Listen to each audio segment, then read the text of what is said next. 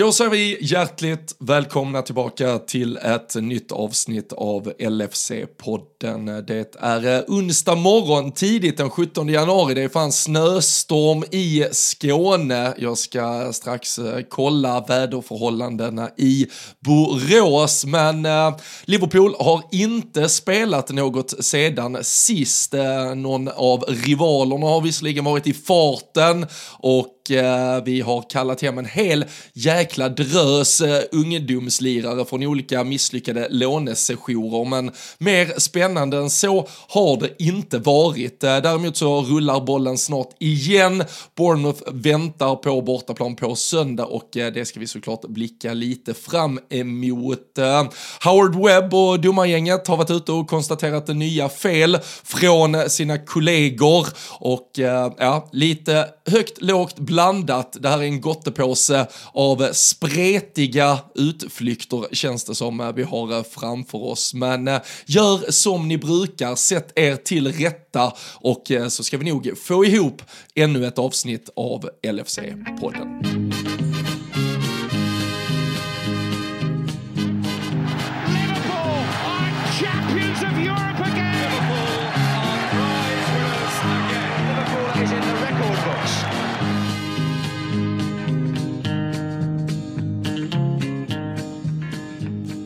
Ja, det ska vi väl få, trots eh, snöstorm nere i Skåne. Jag vet inte, har du det ännu värre uppåt eh, Boråstrakten? Eh, det, det verkar väl vara lite vädervarningar över större delen av Sverige idag. Nej men precis, jag har ju hunnit, du sa här att det var tidig morgon men jag har hunnit ut och eh, lämna lite barn på förskola och sådär och jag kan säga att eh, ja, det är eh, snöstorm är väl ett eh, så milt begrepp eh, om man ska beskriva det som pågår här utanför fönstren just nu. Det kan nästan vara så att man eh, kommer tycka att det är någonting som, eh, som nästan susar i bakgrunden känns det som även om jag om jag inte har satt mig utomhus i, i det här vädret. Men alltså det är eh, det, det är sällan skådad eh, varning. Vi hade någon, eh, jag tror vi hade någon orange varning här på morgonen så att eh, perfekt att man gav sig ut tidigt där. Men det var, det var helt okej okay faktiskt. Men det, det yr snö precis överallt här i, i Boråstrakterna. Ja, det låter bra. Det, det, det hade varit eh, Colin Pascoe-esk att äh, sätta sig i shorts ute i snöstormen och spela in avsnittet. Det var klart att jag körde Mignolet-shortsen när jag ändå skulle hem emellan. Kan jag byta om efter innan man ska ner till, eh, till jobbet. Så det blev ju, det blev ju shorts och en eh, hoodie till, till förskolan här i det bra, det minus. Det var i sig, det var, jag ska dock säga att det var typ minus två. Det var minus 18 när jag vaknade här igår. Så att det är så här, pest eller kolera. Det är så man jobbar hela, hela vintern här uppe i norr. Ett steg fram, två bak och så vidare. Ja, exakt. Men uh, vi, vi, vi sitter här ett par dagar då fram till eh, nästa match och vi får se exakt när vi kommer tillbaka efteråt för du eh, fan eh, vankas lite semester för Forsell. Du ska på primärvalskampanjer i Washington ryktas de. Ja, vi får väl se om eh, de släpper tillbaka sen eller om de eh, liksom tar tag i tillfället. Här har man, vi honom! Eh, här då, har vi presidenten! Man, man kliver där utanför Vita huset och Kapitolium och sådär och så nå, någonstans är det ju rätt stor risk, chans beroende på hur man ser det, att man blir upptäckt och, och indragen liksom i, i hetluften såklart. Nej men det stämmer, vi, vi sticker tidigt imorgon och kommer hem tisdag morgon så eh, det är ju, eh, ja med lite tidsskillnad och sånt så eh, är det ju tight också möjligtvis inför våran andra semifinal där. Så, men vi, vi får väl se lite vad vi kan få ihop helt enkelt. Det, det är som vi brukar säga, det beror väl på vad som händer också i ja, söndagens match och sådär. Men eh, går det skulle det, skulle, skulle det bli eh, någon, någon 8-3 seger eller något sånt mot Bournemouth då, då, då löser jag väl på något sätt med, med någon supersub så vi plockar ner ett sånt sjöslag. Men är, är det förhoppningsvis bara så att säga en dag på jobb där på söndagen och vi sen har ligacup-semifinal på onsdagen så, så kan det vara att vi är tillbaka om en vecka istället. Typ då på ja, men sent onsdag kväll eller torsdag morgon istället. Bara så att folk vet varför man eventuellt sitter och uppdaterar sitt eh, poddflöde och inte får upp sin favoritpodd eh, de kommande dagarna. Och det är ju så, den som väntar på något gott eh, som man brukar säga, det blir ju såklart en liten rapport också från, eh, från vart söndagen. Jag har ju scoutat upp lokala DC-supporterklubben och även vart de brukar sitta. Så att det blir ju blir givetvis att man tar sig dit och försöker representera Sverige på bästa, Liverpool-Sverige rättare sagt, på bästa sätt där på, på söndagslunchen som det ju faktiskt blir för min del då på söndag. Ja, men den är, den är rätt fin den där ja, alltså, tidsomställnings... Jag har ja, ju den, nästan den, gilla. Jag hade gillat den där som du hade någon gång, eh, vad var det? Det var den du tänkte komma in på kanske typ så här tidigt på morgonen nästan. Hade ju varit gött att klivit upp och, och Nej, sett just, match. Alltså just, just Bournemouth borta faktiskt, den, den har jag sett, eh, det var på en, en 13.30 avspark när vi förlorar med 4-3, det måste ju vara är det kanske åtta år sedan? Alltså fan tiden mm. flyger ju fram. Det är Karius i målet i alla fall. Och eh, ja men sex, sju år sedan är det ju i alla fall.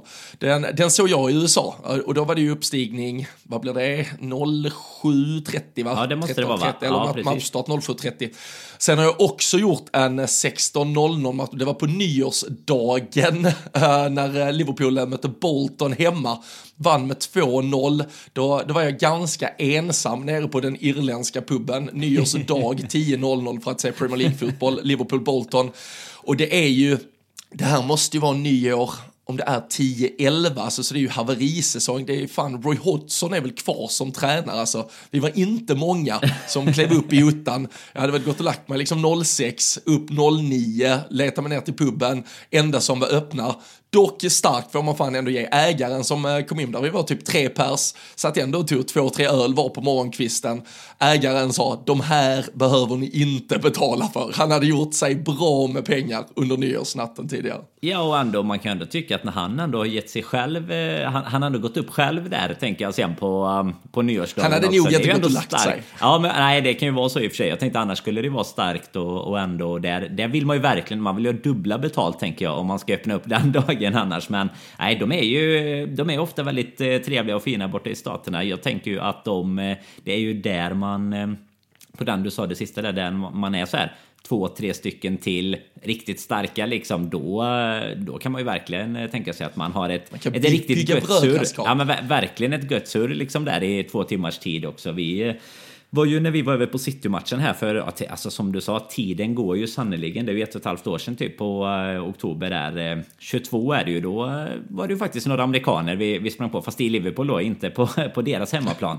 Men, men, men, som det ju hörs ju lite från i, emellanåt också. Det är, nej, det är de kul. Brukar, de, brukar, de brukar framförallt höra av sig. Vi hade ju, av, av märkliga anledningar så hade vi med oss Fabian Jalkemo också. Han gillar ju att åka och kolla Liverpool trots att han uppenbarligen påstår att han hejar ja, på exakt, Manchester United exakt. i alla fall. Men då, vi vet, då, vi vet. Då brukar ju vår, vår amerikanska vän därifrån, eh, Ian, han brukar bara höra av sig när United har förlorat igen och igen och så igen och så här bara, kan du ta en bild på Fabian bara och skicka liksom.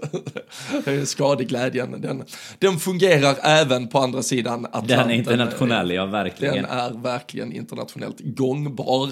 Men äh, Eh, jag, jag sa det har ju inte hänt supermycket sedan sist. Vi har konstaterat att väldigt många spelare, i stort sett alla, utan att ha nagelfarit listan eh, helt och hållet, ungdomsspelare eller mer eller mindre då liksom eh, fringe-spelare på, som är utanför truppen och som på något sätt man hade hoppats skulle få lite fart på karriären genom att eh, sticka på något halvlyckat eh, låneuppehåll. De har vänt tillbaka till träningsanläggningen. Några har studsat ut igen. När man tittar på den där listan på spelare med Rhys Williams och gänget så det är inte mycket till framtid. Man, man ser på de här spelarna som studsar in och ut. Billy Comezio senast i raden Calvin Ramsey, uh, det, det, blir liksom deppigare och deppigare och det är inte en speltid i League 1 och så ska man leta något nytt i League 2.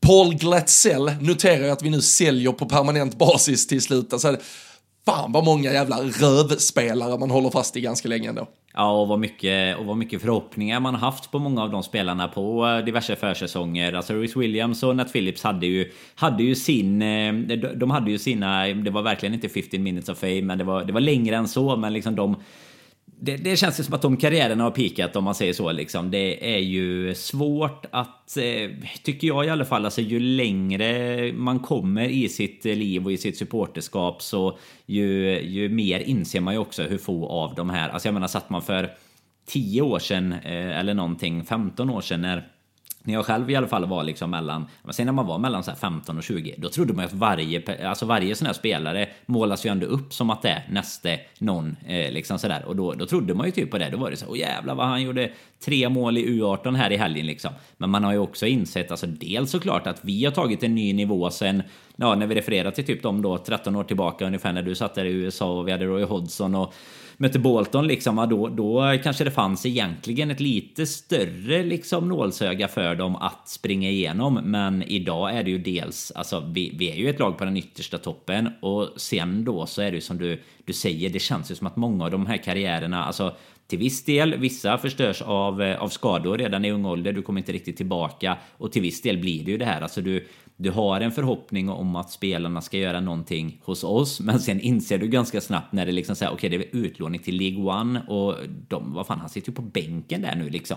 Alltså då, då är det ju ganska snabbt bara egentligen att inse att det är ju bara att skriva av en sån spelare, för jag menar, om du inte, om du inte får speltid som typ, eh, alltså mellan 18 och 21-åring i League One eller i skotska ligan eh, eller vad, ja, vad det nu må mm. vara. Jag menar, eh, Committee har ju varit i, fan i Åstra Wien och så han har ju härjat. Eh, det, det har varit mer roliga destinationer att åka runt på känns det som. Men alltså jag menar, får du inte speltid i dem då är det ju bättre känns det som att klippa banden. Men jag tror att det är jäkligt svårt för det är uppenbarligen blir vi ju inte av med spelarna för jag kan inte Nej, så, tänka mig att alltså, vi vill på... sitta med de här. Alltså som du sa, Paul Glatzell liksom. Där pratar vi väl i och för sig en skada också då på tal om det. Men alltså ja, hur många år sedan är det inte... Med, men, ja, men, men hur många år sedan är det inte vi satt här och tyckte att han verkar lite spännande. Det måste ju vara liksom fyra, fem år sedan känns det som.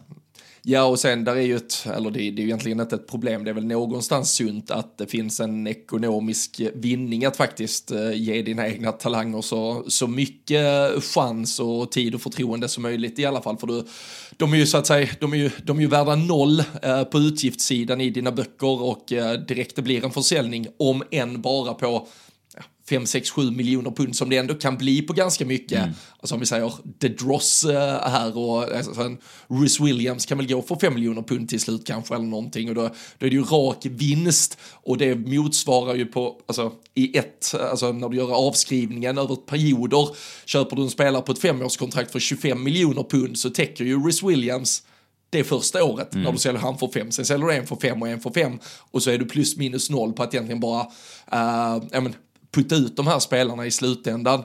Men, men det är ju ganska, Alltså, nu är det inget jag lägger mycket vikt vid, men, men, det är ju ganska, det är en ganska trist karusell att följa, för det är ju spelare man vet att det redan är kört för och det ändå ska hålla på att förlängas kontrakt för att bibehålla värde. De ska ut på alla de här jävla deppiga lånesessionerna och jag tycker också liksom, eh, jag ska inte säga vi, för jag ska inte låta dig behöva klä skott för det, men, men jag har ju ibland varit eh, lite kanske då för kritisk mot vissa av de spelarna som till slut nu ändå gör det väldigt bra i vårt A-lag. En Curtis Jones till exempel. Jag har väl känt att en Joe Gomez hade man kunnat klippa banden med för länge sedan och så här. Men de som sitter i andra båten, de som kanske har stöttat Curtis Jones helhjärtat, de som har tyckt att Joe Gomez, han har ändå varit där i klubben i åtta år, han ska vi tro på.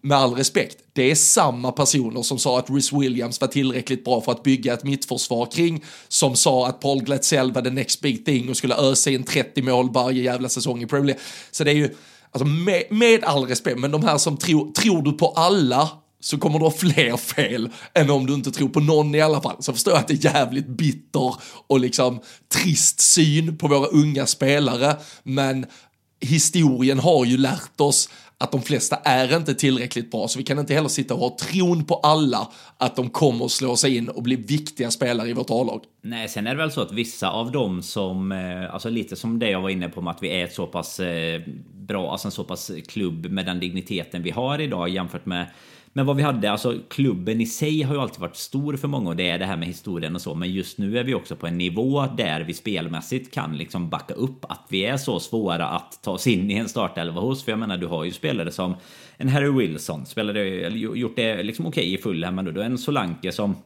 i och för sig inte har gått kanske hela vägen hos, hos oss då, utan var i Chelsea först med, men inte riktigt tog sig hela vägen hos oss i alla fall. Så han gör det bra nu då i kommande motståndare här på söndag om han eh, hinner vara kvar hela vägen fram tills, eh, tills dess liksom. Men du, du har ju också bevisligen en del spelare som vi, och detta är ju ändå spelare som vi eh, liksom inte satt i den här lånekarusellsbåten, utan det här är ju snarare Curtis Jones och Joe Gomez nivån i så fall. De var ändå inne och spelade liksom där man bevisligen har det så svårt att ta en kontinuerlig plats och göra det tillräckligt bra och då finns det ju egentligen lite för bra alternativ för dem att, eller tycker jag i många fall i alla fall, att gå vidare. Och jag menar, kolla på en Solanke liksom. Han har ju fått så pass fart på sin karriär att nu, nu kan du börja snackas eh, landslag och sånt liksom. Eh, tack vare hur, hur bra han presterar. Det hade det inte gjort antagligen om han var kvar i Liverpool. Eh, ja, beroende Nej. på då. Men jag menar inte under den tiden. Man, man får tänka på att han inte haft någon, någon utveckling under den tiden som Firmino var en självskriven skriven nia heller liksom. Utan då tror jag att det, det, är lite sant som du är inne på. Det finns väl någon så här klassisk sägning att eh, du kan, eh, kan sätta en eh, apa och kasta pil på olika aktier till exempel så kommer liksom en viss procent ändå flyga och det är lite samma sak här. Jag menar, tror du på alla? Det är klart att någon gång kommer du få rätt och du kan sitta och säga vad var det jag sa? Tror du inte på någon så kan du också sitta ganska många gånger och säga att ah, men jag sa ju att det inte skulle bli något. Nej, men jag Utan, tror till alltså tar vi tar vi Curtis Jones till exempel. Jag, jag tror att personer som har trott på Curtis Jones hela tiden och nu vill räkna hem det. Samma personer har trott på Nico Williams, Connor Cody och Harry Wilson. Det blev dugliga, habila Premier League-spelare av tre av fyra och eventuellt att Curtis Jones blir the real thing. Han kanske blir den som går hela vägen. Men som sagt, det, alltså, i regel så går de inte hela vägen. Nej, uh, sen ska vi såklart tro på dem, men uh, man ska nog inte ha övertro alltid på de där spelarna som kommer upp i, uh, den är, från det egna systemet. Nej, och det man glömmer tycker jag är att det är ju inget fel i att tycka att Curtis Jones i ena läget, om vi tar han som exempel, inte är en tillräckligt bra, bra spelare till att nu faktiskt vara det. Jag menar, samma person, alltså samma spelare kan ju också utvecklas tillräckligt mycket. Du kan ju tycka nu att så här, fan en Dominic Solanke hade väl vi kunnat ta in.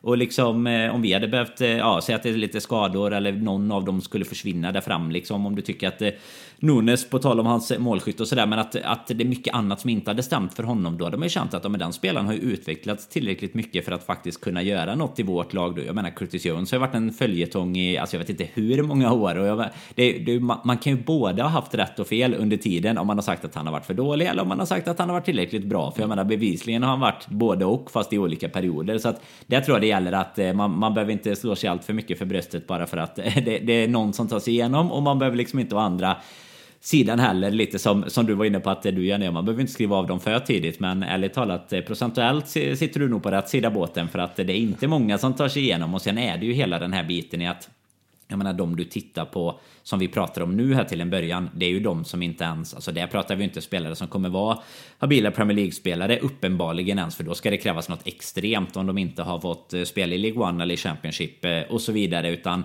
det är ju, sen, sen, finns det såklart det här med värdet som du pratar om och det är ju, eh, det är ju så Chelsea har jobbat mycket till exempel, alltså de, de har ju haft eh, 4000 miljarder eh, ungdomsspelare typ, så att de ska kunna, kunna balansera böckerna, men sen är det ju väldigt konstigt tycker jag, nu, nu vet man ju inte, vi försökte väl antagligen förhoppningsvis. Men alltså Rhys Williams och Nat Phillips, det är ju så här att vi inte sålde. Man, man, kan ju tänka sig att vi kunde få 15 miljoner pund var i alla fall för dem eh, efter den eh, våren liksom. Eh, när, när de har spelat Premier League, man tänker att något så här Burnley kan lätt tänka sig att ta in någon av dem riktigt så här blod under eh, Nat Phillips har så här blod i pannan och sånt där. Det, det passar oss liksom att, vi, att man inte säljer dem på toppen. Eh, liksom. Det, är, det är som att du ja, har så här, det, det, är som att du får reda på att så här, din bil nere i, i Skåne, så här, det finns bara den kvar just nu. Så du, du kommer få två miljoner om du säljer den idag, men så det kommer ju ganska många nästa månad igen. Så bara, nej, men jag ska nog satsa. Jag, jag gillar den här bilen. Jag tror den, den kan göra jobbet. Nej, eh. nej, jag behöver kanske ha den som reservbil i vinter så därför kan Eller låna ut bilen. Jag ska låna ja. ut bilen till Åstria Vin.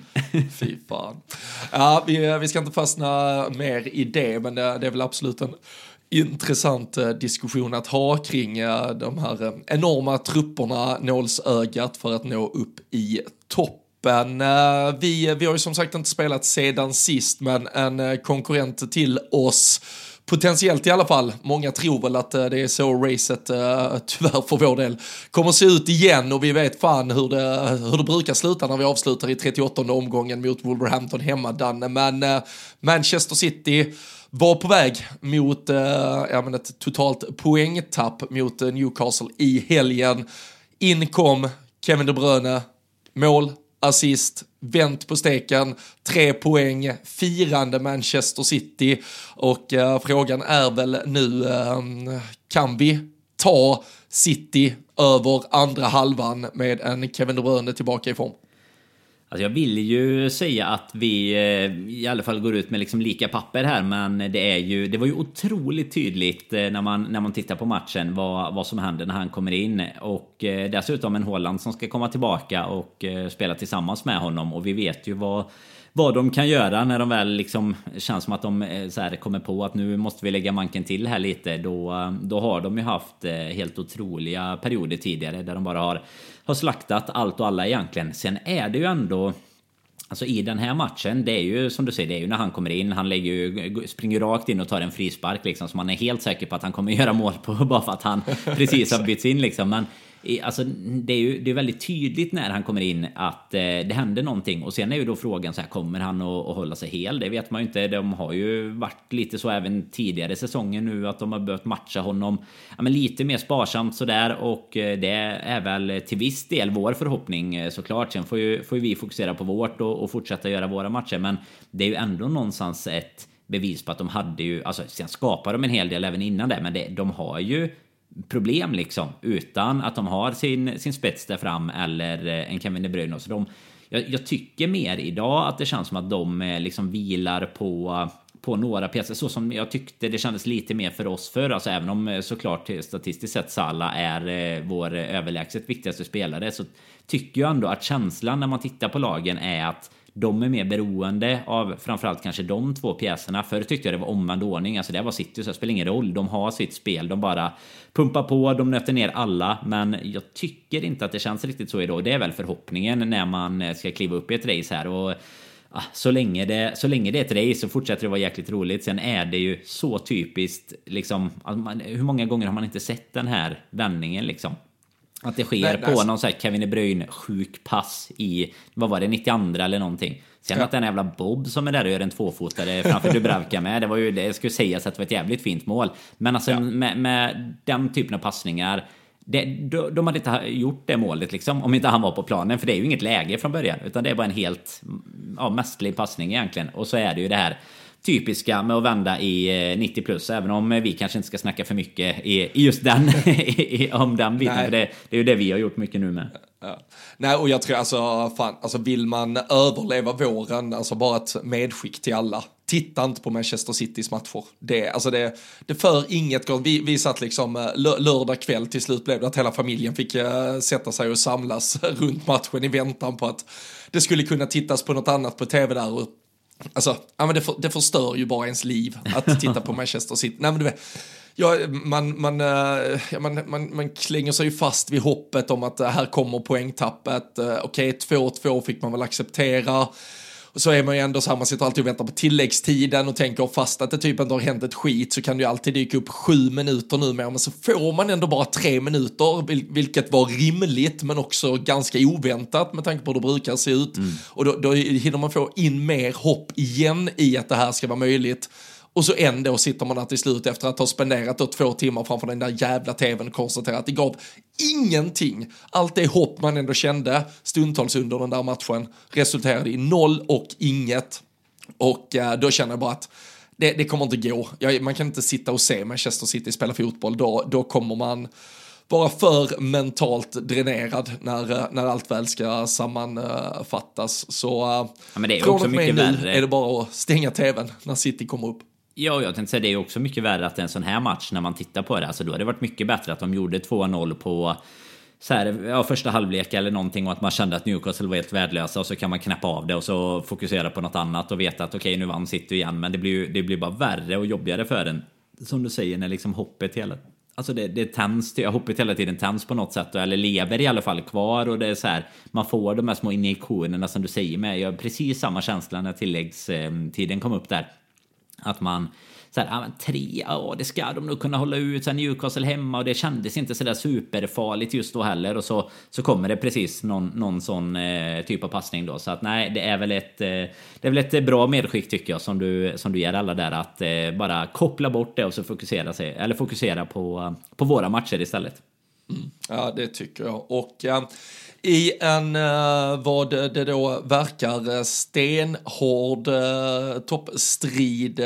Förhoppningsvis, egentligen liksom, eller alltså verkligen självklart att vi hoppas att vi ska dra det längsta strået, men nästan hur det än går så hoppas vi verkligen bara att det lever, att det blir en jävla häftig vår som väntar och då är ju alla poäng viktiga Danne och vi kan eh, konstatera att eh, även om det aldrig är ett rakt likhetstecken till det, att eh, Howard Webb och hans eh, domarpanel återigen varit ute och konstaterat att vi blev lite blåsta vid en situation. Eh, det har väl alla med ögon kunnat konstatera själv i stort sett, men eh, den där eh, independent panel som ger liksom domare rätt eller fel i deras agerande konstaterade med röstsiffrorna 4 mot 1 att det såklart skulle ha varit straff när Martin Ödegård tog med hands mot, mot Arsenal här på, på Anfield innan jul. Det, det är också saker som att se Manchester City spela fotboll i den 93 minuten och att få höra domarbasen i efterhand konstatera, jo det skulle varit straff.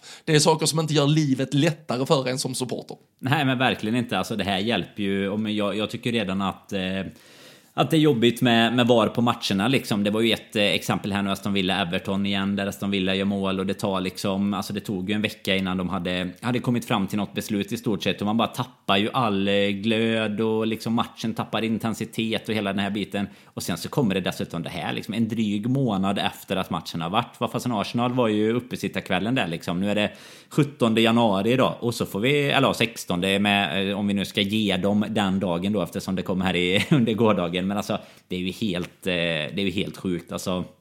Varför ska de ens ut och och snacka om det. Vi har ju precis eh, börjat att glömma det liksom. Lite så känns det. Alltså, sen fattar jag väl att de behöver göra någon typ av eh, genomgång men det är ju, jag vet inte vad man ska säga längre. Det känns ju som att det är någon någon sorts parodi liksom. Och så, precis som du var inne på, alla med ögon hade ju löst det på samma tid som VAR eh, ska lösa det på. Eh, 10 sekunder eller 5 sekunder eller vad de nu vill ha liksom. Men nej, uppenbarligen inte de och sen eh, så ska det ta en månad och så ska de sitta och rösta lite och så ska det komma ut en ursäkt igen och den, den får man fan inga poäng för i alla fall. Det, det är väl nästa steg här om två år att man börjar få typ 0,5 poäng per per ursäkt man får ifrån, eh, ifrån Howard Webb eller övriga domare. Då hade vi dragit ifrån i tabellen. Illa Men eh, nej, men det, och det, det, det blir också, alltså, nu, de har ju transkriberat ut den här, man kan ju lyssna på lite, ja men hur de har tolkat vissa situationer och sådär också, när, när då VAR-domaren säger, eller de, de är ju två VAR, eh, den ena då först, först VAR och eh, assisterande och de säger bara, här visar jag bilderna på där den tar bollen på handen och han bara, ja men jag ser att den tar på handen men det är inte det jag tittar på. Man bara, nej vad fan tittar du på? men han, de argumenterar ju för att det är då att han halkar, håller på att sätta ner handen för att ta stöd, vilket man har sett på bara det räcker ju med en vinkel till för att konstatera att så var ju inte fallet. Så det borde de ha löst mycket snyggare. Men de, nej, de, eh, det kändes som att eller det känns som generellt att när matcherna håller för högt tempo så stressar man, alltså det är lite samma problematiken med från Liverpool-Tottenham, uh, här då Liverpool-Arsenal, det, det är matcher i så jävla högt tempo, de är så sura. Det tycker jag man ska ge spelarna, för här är det ju inte spelare som, i vissa matcher ser man ju den här, just när det har varit den här typen av situation, som bara sular ut den till inkast, omringar domaren, så att då får ju VAR också en minut på sig och, och, och ta det och när de ändå sätter sig och tittar på det då kanske de gör, får lite ja, men då har de mer arbetsro någonstans att försöka hitta rätt beslut. När alla spelare på planen bara är lite så här, ja men fuck it, okej okay, det blev inte straff, ge oss bollen så kör vi igång igen, snabbt inkast, kom igen, kom igen. Alltså då blir det ju inte att de avbryter spelet på samma, då är de lite såhär, okej, okej, okej, okay, okay, matchen fortsatte, då släpper vi det väl här. Och det, och det blir ju problem att det inte finns en, en konsekvent linje i det, alltså det ser vi ju City och det, det, finns jävligt många skäl, bland annat 115 olika, till att hata dem för. Men hur, hur de ändå systematiskt tycker jag liksom jagar domare varje gång just nu, det, det är situationer med Rodri i spetsen. Det, det, är väl tyvärr något man egentligen borde göra mer av, att nej, men vi kommer inte starta det här inkastet förrän vi vet att ni har tittat på den här situationen ordentligt. Vi ska stå tre spelare runt dig och verkligen trycka på att du måste lyssna i ditt jävla öra och det det, det är jävligt mörkt om det är dit man måste gå, Mm. men jag tycker fler och fler situationer tyder på att det är vägen man ska hantera domare för att få med sig varummet oftare. Ja men det klassiska också tycker jag som eh, är i, eh, i Öregård-situationen där Det är ju det här som vi har pratat om Många gånger tidigare att de tittar ju på slow motion stillbilder eh, liksom eh, frame by frame på något sätt när de, eh, när de tittar på vad som händer. Istället för att bara så här spela hela situationen så ser du ju direkt om man nu bara tar den isolerat så ser du ser ju direkt att han inte försöker och att liksom luta sig ner. Men så, så stannar du liksom bollen på handen och så här, det är så här det är så konstigt att man inte bara väljer att eh, spela upp situationen i eh, normal tempo, nummer två, alltså lite samma som du sa, ha en, ha en great process boys där, liksom med att bara så här, först spelar vi upp den så, sen spelar vi upp den i det tempot, sen är det från eh, liksom bakifrån, från sidan, framifrån och sen bara, ja, så, sen ska vi kunna ta ett beslut ungefär och det får inte liksom vara det, det, någonstans måste det vara där clear and obvious att det får inte heller vara så att man ska stå i liksom, du, jag tycker att du har rätt i det du säger att så här det ger ju spelarna på något sätt chansen, varummet och det är, ju, det är ju tyvärr dit det är på väg att de liksom behöver stå och vänta på att de verkligen har kollat på det och de får ett svar. Men jag tycker samtidigt att så här borde det finnas en så här, det får inte ta för lång tid, för tar det för lång tid, ja men då är det ju inte tillräckligt liksom mycket fel. Alltså ska du behöva titta på det i 10 minuter så kanske det skiljer en millimeter på en offside-fot eller en tå liksom och då blir det väl till slut så att men då får ni fan ha någon liten felmarginal där men eh, ja, Hansen går ju, fattar jag inte, vad, vem, vem, vem fan är ett i den 4-1 kan man ju undra liksom. Det är helt, helt sinnessjukt att någon kan titta på det nu i efterhand en månad senare bara, nej men alltså jag tycker fortfarande inte att det där ska vara straff. Det, var Det är, något- väl, det är väl Wenger, han sitter med i alla sådana olika jävla utskott vet du. Åh, nej, nej, nej. Mot Arsenal? Mot Arsenal? Nej, det tycker jag inte. Nej, fy fasen. Nej, vi, eh, vi hoppas att vi slipper att beröra dem alldeles för mycket framöver. Men jag, jag misstänker att det kommer bli lite mer här under våren eh, också. Fy fasen. det en eh, lång vår att vänta när vi går upp mot både eh, domarorganisationen och eh, ett Kevin De Bruyne förstärkt Manchester City. Men eh, tills att eh, någon fet dam sjunger Danne så kan vi bara försöka göra vårt eh, lite kort avslutningsvis.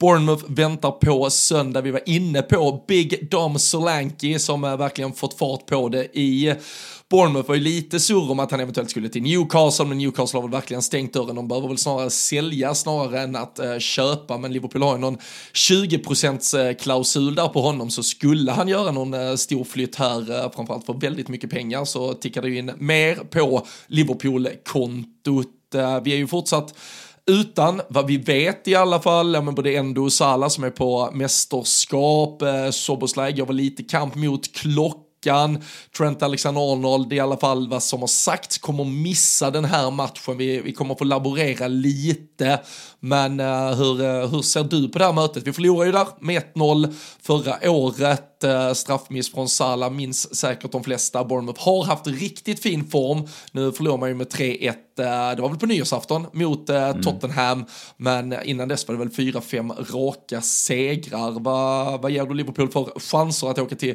Vitality och eh, lösa en trepoängare? Nej, men det är ju på, på förhand liksom en match som, ehm, som eh, ingår i det här Beat the Dross Win the League-konceptet. Men sen har ju Bournemouth, alltså de, eh, trots att de ligger 12 så skulle jag typ kalla det ändå någon, någon typ av säsongens eh, succé liksom så här långt. De börjar ju inte jättebra men kom igång i, i superform sen och med tanke på förutsättningarna framförallt, eller vart man trodde. Man tänkte väl kanske att det var nykomlingarna och Bournemouth typ som skulle, skulle kämpa där nere, men Tycker de har gjort det bra. De har ju verkligen fått igång en Solanke. Men vi har ju, alltså vi, vi ska ju eh, åka dit och, och vinna om vi kommer upp i, i nivå och spela vårat spel. Det, det tror jag verkligen. Vi eh, har ju ändå eh, haft ganska, vi satt ju bland annat i Karlstad. Nu var ju det på hemmaplan, men vi har ju haft eh, en del eh, riktigt trevliga historier mot dem. Det var ju 9-0. Vi hade ju någon ah, nu, det är ju lite som vi sa här i början, åren går väl, men jag minns ju någon eh, 4-0 där Salah gör väl någon hattrick där på, kan det vara 18, 19? 18-19 kanske eller någonting. Där. Keita gör väl ett mål också kanske? Alltså, det kan- så? kan mycket väl stämma. Salah gör väl ett, han, han dribblar ju sig hela vägen in på mållinjen eh, vid, vid något mål där också. Men eh, nej, det är ju klart att vi, det är ju klart att vi på pappret och på förhand ska, ska vinna den här matchen i alla fall. Ja, men så är det ju. Sen är det ju som du säger, vi har ju den här eh, 1-0, den, eh, den är ju tuff. Alla, alla sådana är ju tuffa i, i efterhand liksom. Man minns ju, eh, fast man kommer nästan mer ihåg den här matchen du refererar till där, 4-3 till dem, än, än vad man kommer ihåg de här lite mer närliggande segrarna. Bara för att man, man kommer ihåg vad det, det är, det är väl alltid så klassiska som vi brukar säga med bortamatcherna. Det är tufft att åka dit, eller tufft att åka dit, men Bournemouth ska ju egentligen inte vara jättetufft för oss att åka till. Det är ju inget lag som heller eh, gör det här klassiska cyniska brittiska och bara ställer sig lågt. Gör ett så som Everton gärna spelar mot oss just nu. Eh, lite beroende på vilken manager de, de eh, har kanske. Men Nej, jag ger väl oss. Alltså vi, vi ska ju, åker vi dit och gör jobbet, eh, lite som du var inne på här med tanke på att jag, jag sticker iväg lite. Åker vi dit och gör det vi ska så eh, kommer det ju eh, knappt ens finnas anledning att återkomma till eller prata om den matchen mycket mer än i liksom ett avsnitt nästa vecka och sen kan man lägga den till eh, ja, avcheckat och klart handlingarna. Men sen vet vi att det inte alltid är så lätt. Men jag ser ju även inne på Patreon att det är positiva lyssnare inför, eh, inför söndag i alla fall. Det är ja, väl bara för det har gått så mycket tid nu mellan matcherna. Regnat in så här eh, ett femmor och två fyror och ja, mål, målrika bortasegrar i alla fall tror många på. Skulle man själv vilja tippa då är det ju patreon.com slash LFC podden. Eh, just nu ligger det någon eh, jävligt schysst eh, tisha från Samdots. De har ju ett, en ny kollektion, Heritage-kollektionen med fan t-shirtar och tröjor som hyllar staden Liverpool och ja, men, saker runt omkring den stad vi älskar. Så vill man, vill man vara lite sådär snål här i januari och inte köpa sin egen tröja kan man ju gå in på patreon.com slash LFC-podden och tävla om någon liten present till sig själv istället. Ehm, vi, eh, vi får väl se då exakt vilket lag som kommer till spel. Eh, skulle inte Trent vara redo visar ju Conor Bradley senast att han ändå är eh, verkligen att räkna med. Han, van Dijk, Konate, Joe Gomez börjar ju närma sig comebacker även för Tsimikas och Robertson, eh, Tsimikas kanske ligger ändå längst fram där, eh, Allison såklart eh, skriven, självskriven i målet. McAllister, Curtis Jones, eh, Soboslaj, skulle han vara redo, kliver han väl in? Vilka tre offensivt lite snabbt skulle du vilja se startar? Men jag tycker ju att vi har varit inne på lite med det här med, med Darwin. Liksom. Jag hade gärna sett eh, kanske alltså fått in eh, honom ändå i, eh, i hela soppan för att han ändå har varit så pass. Eh, alltså det, det, är så pass mycket fröjd kring det liksom. Han kom ju in här nu senast då, när, nu är det ju eh, cupmatchen kuppmatchen då mot Fulham när vi, han kommer in och, och vänder på steken med sina två assist liksom. Så att jag skulle väl spela honom från start egentligen. Jag skulle nog, alltså nästan Mm, det, det, är lite hugget som om jag hade i och för sig flyttat ut honom på vänster, Gakpo i mitten, Jota på Salas position eller om jag tvunget måste ha in en Diaz på vänster. Jag känner ju att han, det, det fanns någonting här, framförallt mot Arsenal, ju, i, eh, nej, att det, det, det, fanns en ny 2024 för, eller en ny Diaz 2024-version liksom som var mer lik den gamla. Men nej, jag, jag håller mig till det första då, att vi skickar ut Nunes för att det ska hända något på vänsterkanten, en Gakpo i mitten och en, en Jota till höger. Mm. ja, jag, jag, jag, jag köper den rakt av. Ja, och uh, så, uh, så slänger vi på det som det, det skulle behöva. Så, uh, det, det är den, oavsett, den, ja, men känns så här, liksom, oavsett vilka av de fyra som startar nästan så känns det som att vi kommer ju ha en gubbe som är eh, perfekt att ha som en gubben i lådan om det inte ser ut så som vi vill att det ska se ut liksom. Och vi kan ju också laborera. så jag, alltså Diaz är ju den enda av dem egentligen som inte kan spela i, i mitten och han kan väl Han är väl den som nästan mest är fast av dem eh, på en position. Sen kan han säkert spela på högersidan också. Det är ju inte så att man Att man direkt får chansen att visa om man kan spela på högersidan i ett Liverpool när Salah spelar. Det är ju att han alltid är med oavsett om det är Northampton i, i FA-cupens eh, tredje omgång liksom. Men lite, lite sådär har vi också möjligheten att laborera under matcherna tycker jag när vi har de här alternativen att man kan liksom flytta runt dem lite och det, det kan ju också stöka till det rejält för ett lag som Bournemouth. Mm. Ja, det, det, är så jävla skönt. Alltså jag såg dem, alltså sen han kom, han har typ missat, jag tror han har missat sju Premier League-matcher för Liverpool, varav typ sex på grund av att han har varit på Afcon. Liksom. Det, ja. alltså, det är så jävla sinnessjukt. Alltså han typ tre gula kort och det är typ för att han har firat och tagit av sig tröjan. Nu fick han ju i och för sig något när han sparkade bort eh, bollen och blev arg här eh, sist. Ja, men exakt. Det, ju... det, det, var någon sån evolution på hans eh, gula kort för. Det, det var ju fem, sex raka på grund av dra av sig tror jag, excessive celebrations. Ja. Men nu, nu har han ändå fått två för att han har varit lite förbannad tror jag. Så det, men det är skönt. Jag tror han har fått ett gult kort för liksom något som ändå har varit ett, alltså, en tackling eller ett fälleben. men Eh, men annars, eh, annars är det fan bara på grund av eh, andra saker. Vi får väl se det. Jag, jag hoppas verkligen Soboslaj att, att han kan vara tillbaka och att han kan ha vaknat på, på rätt sida här igen efter ett par svagare veckor. Jag tycker ändå att det är väl ändå det som är, jag tycker inte att uh, Elliot och Jones, jag tycker de, de, är lite för lika i många avseenden på det där mittfältet. Cody Gakpo har vi pratat om, jag tycker inte riktigt han funkar när han kliver ner där och med McAllister och Curtis Jones då kanske som de enda helt ordinarie till att uh, starta den. Får vi se Thiago, det är väl dock någon liten vecka kvar kanske. Vi får väl se om vi får någon uh, ny uppdatering, men att han kliver rakt in och startar då är också svårt att säga oavsett här. ja. Men uh, få in Soboslaj på det där mittfältet, då har vi ju ett ett absolut tillräckligt bra lag för att uh, ta tre poäng där nere. Ja men verkligen och uh, vi kan väl hoppas lite på samma sätt som att det kändes som att Diaz har, um, har uh, lite new year, new, new me liksom. Att uh, Soboslaj är på, på samma nivå. Han, började, han satte ju så otroligt uh, orimligt höga förväntningar på sig själv från starten i sin Liverpool-karriär och sen Sen gick, eh, ja, gick väl tempot ner lite eller för honom så att det känns som att han hade också behövt få, vi hade behövt få tillbaka honom. Men sen är det ju så här, är han tillgänglig så tycker jag fortfarande att han är självskriven oavsett. Eh, Absolut.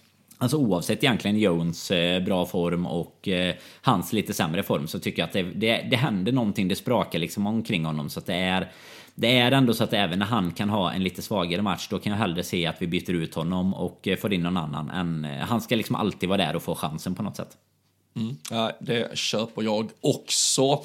Vi, eh, vi ser hur det går ner på sydkusten. Uh, söndagsfight mot Bournemouth. Uh, onsdag sen returmöte, ligacupsemifinalen mot Fulham. Vi har 2-1 med oss från Anfield. Ifall vi inte hörs däremellan så plockar vi ner allting efter det när vi förhoppningsvis har bokat en tripp till Wembley. sen var det som någon skrev till oss, bara snabbt avslutningsvis. Sen är det ju FA-cupen mot Norwich där direkt efter ligacupen, mm. vilket kanske öppnar för det där som jag var inne på i alla fall, att Alisson faktiskt står semifinalen mot Fulham för att Kelleher sen ska stå mot Norwich eh, på hemmaplan i FA-cupen istället. Ja men absolut, det känns väl mer eh, efter den diskussionen vi hade förra veckan mer som ett, eh, ett rimligt alternativ om det inte är så att... Ja, jag, jag, jag gissar ju fortfarande att Kelleher kommer stå dem så som, som jag var inne på, men det, alltså, det läget som vi har med hur schemat ligger öppnar ju definitivt upp för att eh, vi kan göra på det sättet. Och jag tycker väl att det hade varit det allra mest rimliga utan tvekan. När, när det ändå bara inom citationstecken då är ett 2-1 resultat som vi,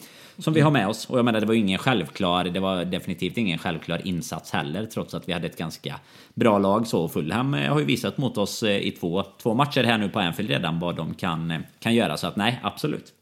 Mm. Vi ser hur det blir. Eh, som sagt, vill ni vara med och tippa resultat här mot Bournemouth, då går ni in på LFC-podden eller eh, patreon.com slash LFC-podden ska det vara, så kan ni vara med och eh, tävla om fina priser från Sam Dodds. Håll er som vanligt uppdaterade på LFC.se kring allt som händer i vårt älskade Liverpool. Och om ett tag, vi ska låta Danne ha lite semester i Washington, komma tillbaka som utnämnd presidentkandidat och eh, sen är eh, LFC-podden eh, tillbaka igen. Men stort tack för att ni alltid är med oss. Vi älskar att ni lyssnar. Sprid att det finns en podd som pratar Liverpool varje vecka så kan fler hoppa ner i den här härliga båten och så stormar vi mot en vår där vi gör upp med Manchester City om ligatiteln. Vi hörs och ses snart igen.